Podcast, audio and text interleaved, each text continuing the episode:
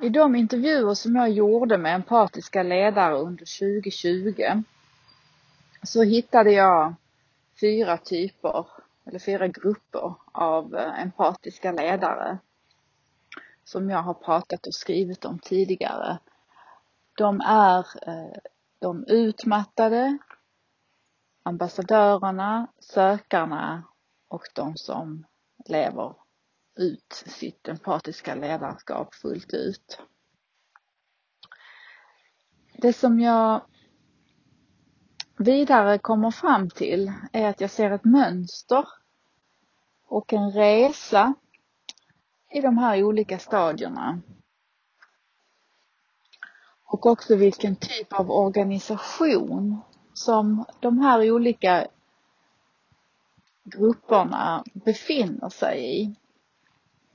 Så om vi börjar med de, den första gruppen, de som jag benämner som de utmattade. De eh, befinner sig i eh, en dominant miljö. De har en naturlig förmåga och läggning för det empatiska ledarskapet och Eh, deras sätt att vara på och leda på, agera på välkomnas inte av de som då står för det dominanta ledarskapet. I det dominanta ledarskapet så styrs man eh, mest av resultat och man bryr sig inte så mycket om hur människorna mår, kortfattat. Där finns också mycket rädsla och eh, man använder den makt som man har över sina medarbetare, alltså i det dominanta systemet. Så som en empatisk ledare och befinna sig i den här miljön så blir man inte uppskattad för de kvaliteter som man har. Att man är bra på att lyssna, man eh, är empatisk, man kan vara tydlig i sin kommunikation, man kan ehm, um, se saker på ett annat sätt som, som eh, utmanar det gamla synsättet. Det gamla menar jag då det som vi har sett väldigt länge nu i västvärlden och i dominanta systemet. Eh, att man vänder, man har ett annat perspektiv, man är syftesdriven, man ser ett större, en större helhet och att man är mån om att människorna också ska må bra, precis som att företaget och resultaten ska må bra.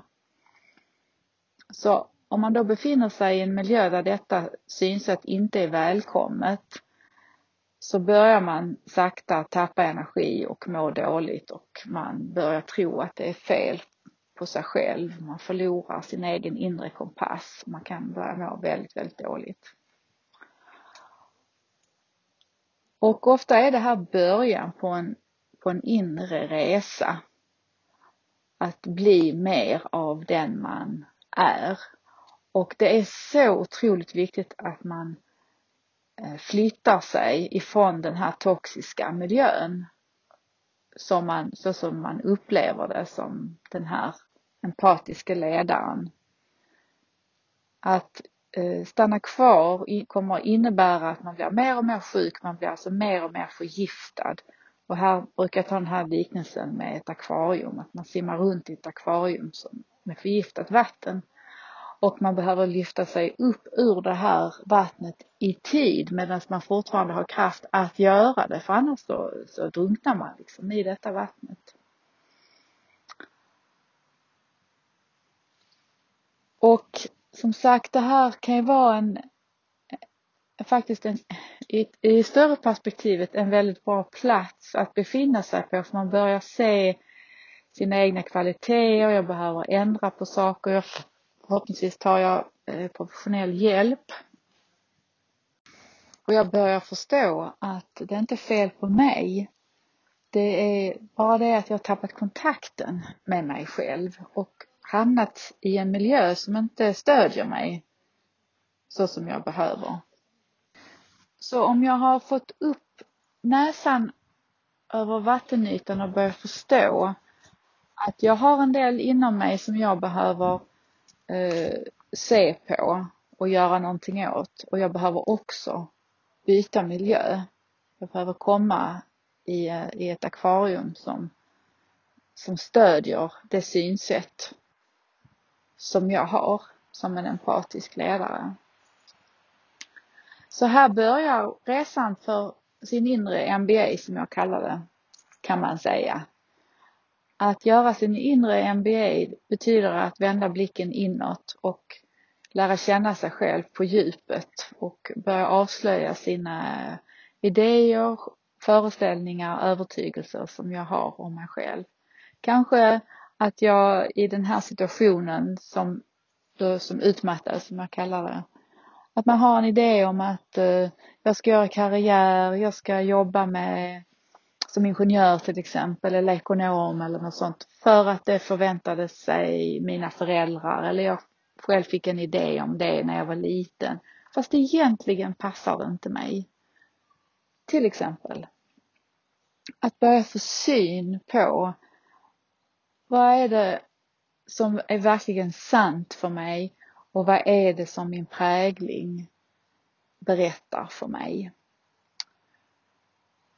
Så när jag då har börjat må bättre, jag börjar få mer energi, jag börjar få perspektiv på min situation så får jag förhoppningsvis kraft till att börja söka en ny arbetsplats. Och det kan också vara att man får syn på att min partner som jag lever med, att vi är helt olika som individer. Det finns de som också kommer fram till att jag behöver dela på mig från min livspartner som jag har hittills. Så stora saker kan hända här som i det långa loppet är bra för mig själv och min själ. Fast i stunden så är det ju svårt och tungt och stora beslut som måste fattas. Kanske. Kan också vara att eh, man fattar och man går vidare. Det är inte så mycket som behöver förändras. Så då kommer vi in på grupp två, de som jag kallar för ambassadörer. Det är de som eh, är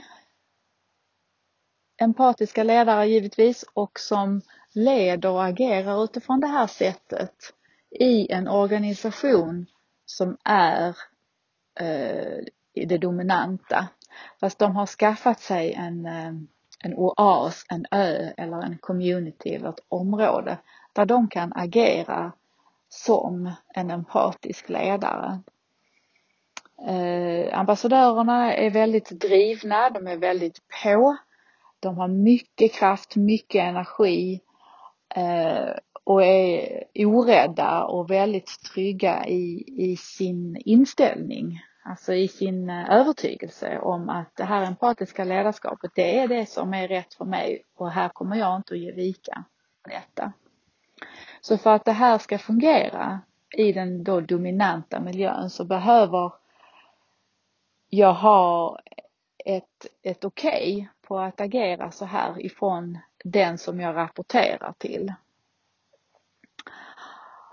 Så och att den personen som jag rapporterar till behöver inte vara en empatisk ledare fast den förstår att det som den empatiska ledaren gör, ambassadören, det är någonting den här personen gör som, som är bra. Fast jag förstår inte riktigt vad det är. Men jag låter den personen göra som den behöver. Så här fortsätter resan med det inre MBA. Jag blir mer, kommer ut liksom i mitt eh, empatiska ledarskap och jag står för det och jag backar inte och jag förstår också att här har jag mycket jag behöver utveckla. Jag läser böcker, jag går utbildningar, jag tar professionellt samtalsstöd och så vidare. Jag är väldigt på i min egen inre utveckling. Och det här funkar och är gynnsamt för alla inblandade så länge som balansen finns där mellan den eh, eh friheten, den, alltså som, som den rapporterade, den som personen rapporterar till. Att den friheten finns hela vägen. Det som jag har erfarit i mina intervjuer och även i mina samtal med de empatiska ledarna. Så om det är så att till exempel en chef som har gett personen, ambassadören, en, ett frikort så att säga. Om den, om den chefen slutar och det kommer in en ny chef som inte låter ambassadören simma omkring som den behöver. Utan det börjar eh, ställa, alltså det, manöverutrymmet blir tajtare och det, det är mycket kontroll och kanske tar över vissa arbetsuppgifter. Eh, då söker sig den här ambassadören vidare. Den kan inte vara kvar när en dominant ledare kommer in. Det kan vara en ny ägare, det kan vara styrelseordförande, det kan vara en VD, det kan vara en chef, det kan vara en projektledare. Vad den är för eh, hierarkiskt system som, som den här ambassadören är i, det spelar inte så stor roll. Den här ambassadören kan inte gå tillbaka och agera som en dominant ledare. Det går inte. Den är för förankrad i det empatiska. Och den ambassadören försöker väldigt mycket att vara kvar och få det att fungera och förändra i den dominanta miljön. Och, och om inte det ger resultat så söker den sig vidare. Och antingen så säger de upp sig utan att ha någonting och hamnar då i sökarfasen fullt ut där man tar sig tid och funderar på vad ska jag göra härnäst eller så, så söker man medan man är kvar i den gamla miljön. Och eh, ambassadörerna finns då eh, i de dominanta systemen och, och där man då tillåter eller eh, ja, tillåter blir det ju att ha oaser community, communitiesar, om det nu heter så. Um, så det är någon slags hybridorganisation som, eh, som detta blir och ju fler sådana här öar som uppstår inom den dominanta organisationen, alltså till sist så, så tar de ju över. Så det finns ju möjlighet att en dominant organisation eh, sakta omvandlas, transformeras till en empatisk organisation om, om det finns många sådana här öar som spiller över på varandra. Och ambassadörernas fälla är att de ger ju inte upp. Alltså de har så mycket kraft och så mycket driv och så mycket passion till att skapa den här förändringen. Så att eh, det kan vara bra också att ha lite koll på sig själv och sin energinivå, att man fortfarande håller sig på rätt sida strecket så att säga. Så när jag då har börjat eh, förstå som ambassadör att jag kan inte vara kvar här längre, det funkar inte, eller att jag vill ha mer utrymme. Jag, jag nöjer mig inte med att vara i den här oasen som jag har. Jag, jag vill mer, jag har mer att ge, jag kan mer om det empatiska ledarskapet. Så jag börjar undersöka nya områden. Så att jag funderar då på, kommer in i grupp tre, sökarna. Ska jag eh, starta eget? Ska jag bli konsult? Ska jag skriva en bok? Ska jag söka mig någon annanstans? Ska jag, vad ska jag? Det är väldigt mycket frågor. Mycket, mycket mer frågor än svar. Och de här frågorna behöver eh, besvaras. Man behöver hitta sina egna svar. Så att den här inre MBA som jag pratar om, den börjar verkligen få fäste här i denna, i denna fasen. För att jag förstår att jag kan, jag kan inte gå tillbaka. Jag kan bara framåt och jag är inte riktigt klar över hur den vägen framåt ser ut. Så att jag eh, behöver väldigt mycket tid med att komma fram till vad är rätt för mig? Vad är mitt syfte? Vad vill jag? Och gå inåt. Och det här kan vara utmanande för de här drivna ambassadörerna. De har så mycket energi liksom utåt och vill göra en massa, så otroligt mycket kapacitet. Det här är ju ledtråden att stanna upp, att ta det lugnt, att ta bort saker mer än att lägga till, skaffa egen tid, självsamhet, låta svaren komma och, och ta ett professionellt samtalsstöd så du, så du gör processen kortare. Så att du, du finner din riktning, så att du hittar din inre kompass och guidning. Och jag tänker att den här fasen är väldigt, väldigt viktig och bra, nödvändig för din inre utveckling och få komma vidare med att bli mer av dig själv, att, att få fatt i din, mer av din potential. Och här behöver man vara beredd på att hitta sina mörkare sidor, sina ofullkomligheter. Vad är det som hindrar mig? Vad är det som ligger i vägen? Vad är det som gör att jag inte kommer fram till de här svaren?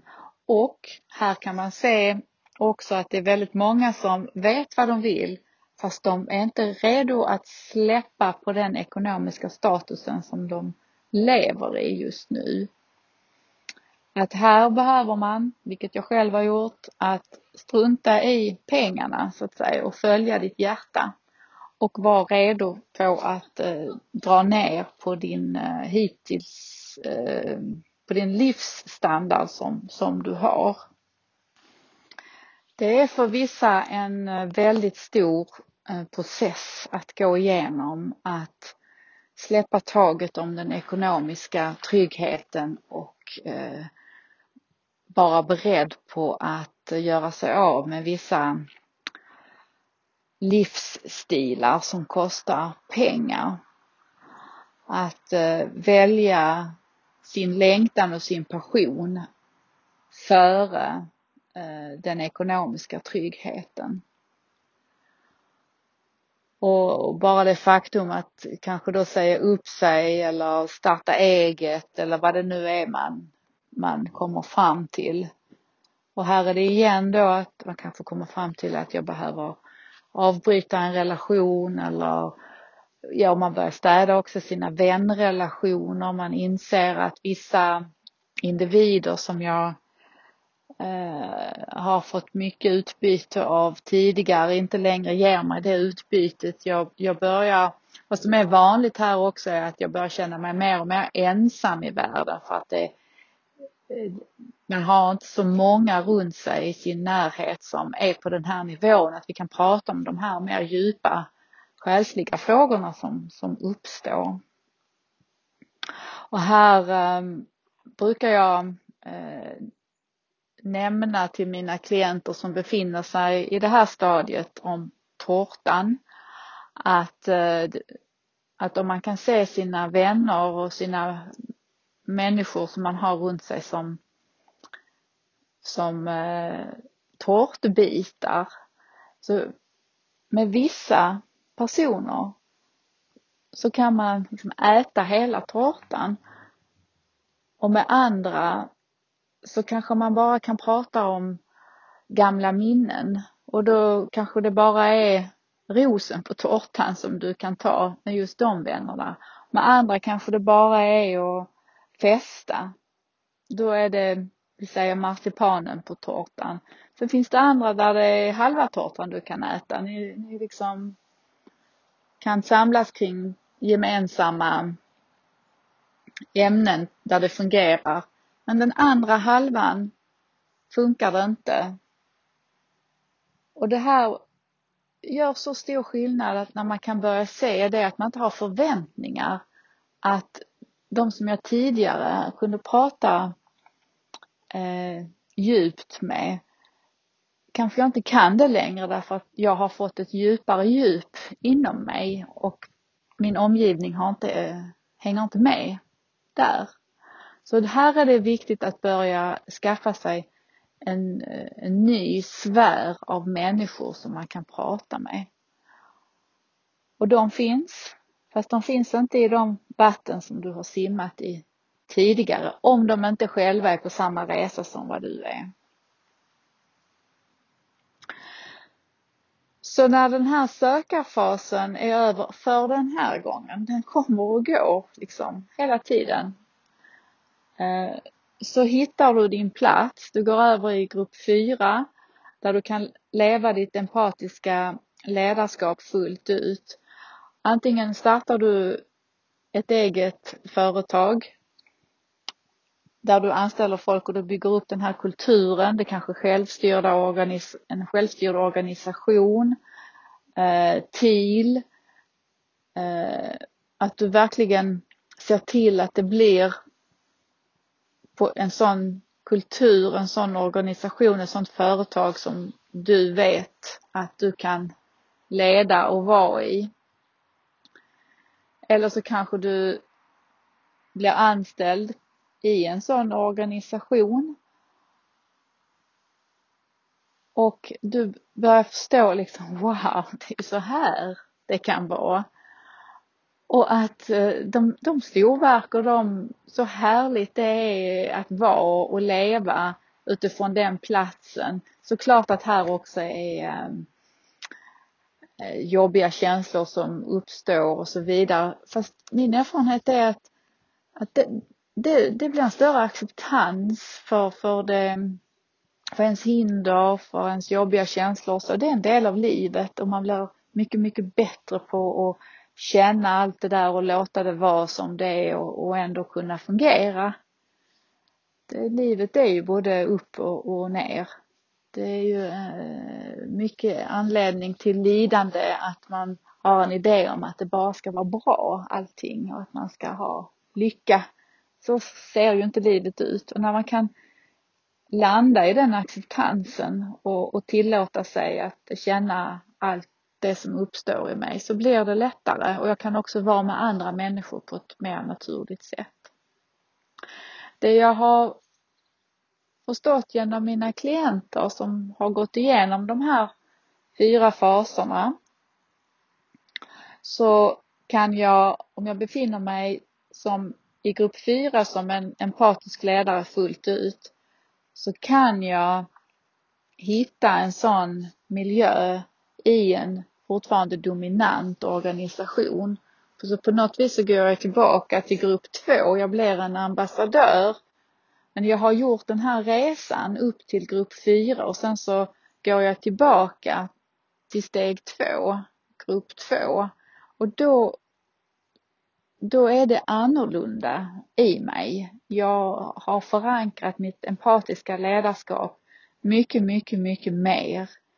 Och det är på mina villkor så att säga. Mycket, mycket stadigare. Och här kanske jag har blivit VD för eh, en, en affärs, eh, ett affärsområde eller VD för ett helt bolag. Och då kan nya Ehm, svårigheter visa sig att de medarbetarna som då finns, som jag har blivit eh, ledare för, de kanske inte alls är intresserade av det empatiska ledarskapet.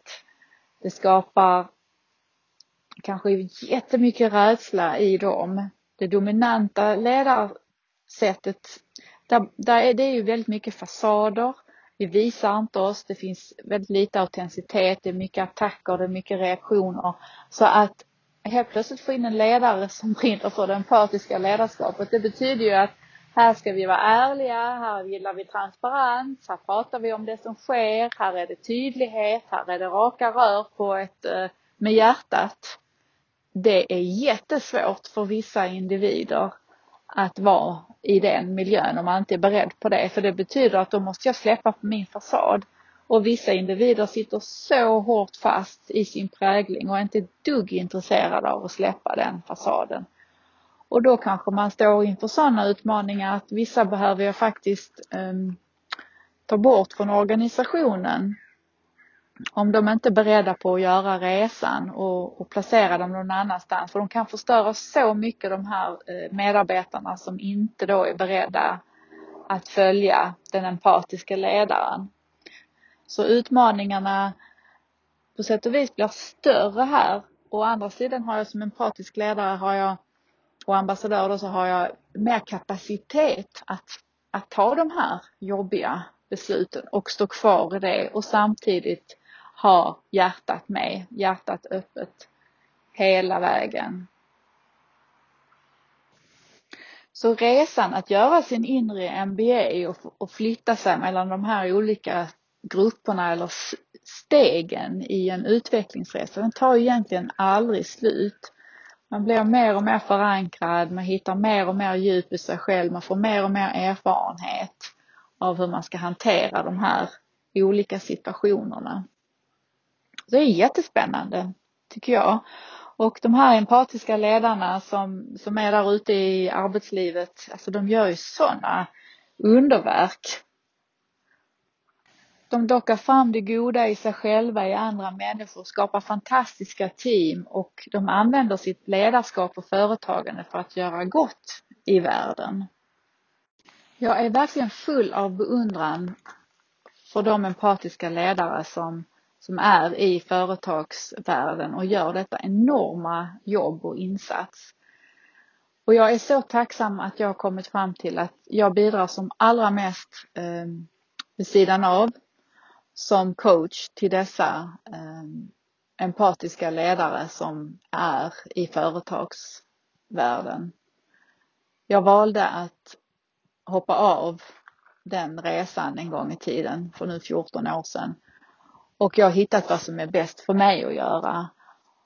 Och jag upplever att jag verkligen kan bidra till er som befinner er i företagsvärlden och gör er resa där. Vi gör alla vår inre MBA tillsammans för att sprida det empatiska ledarskapet i världen och göra gott.